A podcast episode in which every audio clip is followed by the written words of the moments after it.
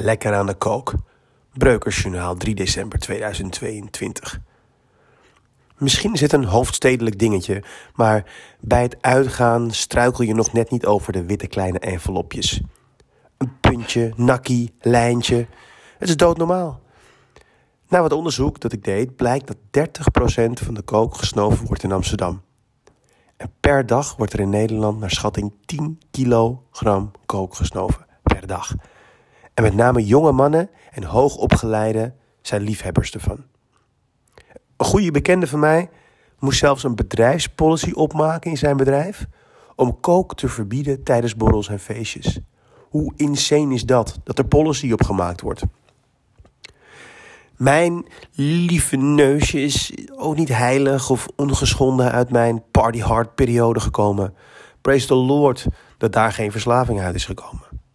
Maar wat is er toch zo aanlokkelijk aan kook? En waarom doen we allemaal iets wat voor de meeste mensen zo grotesk en idioot lijkt? Een poeder opsnuiven, harddrugs. De voornaamste USP is natuurlijk dat het je oppept als je te veel hebt gezopen. Dan kan je nog een paar uurtjes doordrinken. Maar toch denk ik dat er meer achter zit. Want als dat de enigste reden was geweest, dan was speed wel nummer 1 geweest. Want dat is pas echt een marspoeder. Nooit meer slapen. Borrel, borrel, borrel, borrel, oppassen, daar komen de gevoelens. Kook blaast namelijk die dam op. De dam die je om je gevoelens heen hebt gebouwd. Het elimineert die Oost-Duitse grensposten die jouw emoties bewaken. Cocaïne stuwt een onbedwingbare drang naar diepe gesprekken over je issues en gevoelens. De stoerste, taaiste kerels, de zilverrug gorilla's en macho-ondernemers vertellen ineens over de moeizame relatie met hun moeder, het verdriet over een ex of hun struggles met de werkgever en de druk die ze voelen. Oh lord, die emoties. Door de weeks snoeihard werken, je niet laten kennen en doorzetten. We kijken allemaal naar de nieuwe alfamannetjes rolmodellen als Andrew Tate en de stoere voetbalkrijgers die woest op een borst slaan na het maken van een doelpunt. Dat is mannelijk. Maar praten over je gevoelens, pussy. Het blijft een uitdaging. Want hoe taai en stoer je ook bent, hoe penetrant dat stemmetje in je hoofd ook is, die zegt dat je geen bitch moet zijn en dat emoties voor vrouwen zijn. Die gevoelens steken toch wel een kop op. Als het tij, dat hoe dan ook, zoutwater in je bakken zal golven.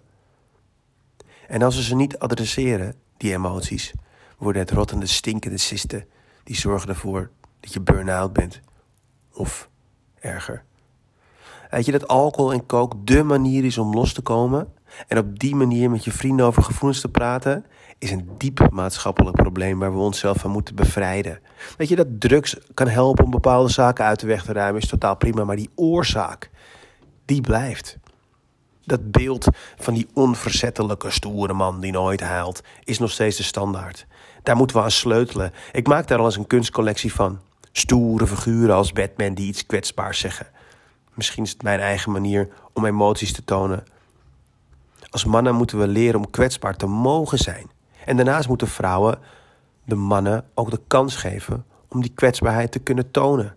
Ook al strookt dat wellicht niet met hun behoefte en beeld aan die altijd stille kracht. Wellicht dat ze dat zelfs tot drammers toe moeten doen om die emotiegrensposten af te breken zonder de smurvenpost. Als known de witte envelopjes te moeten gebruiken.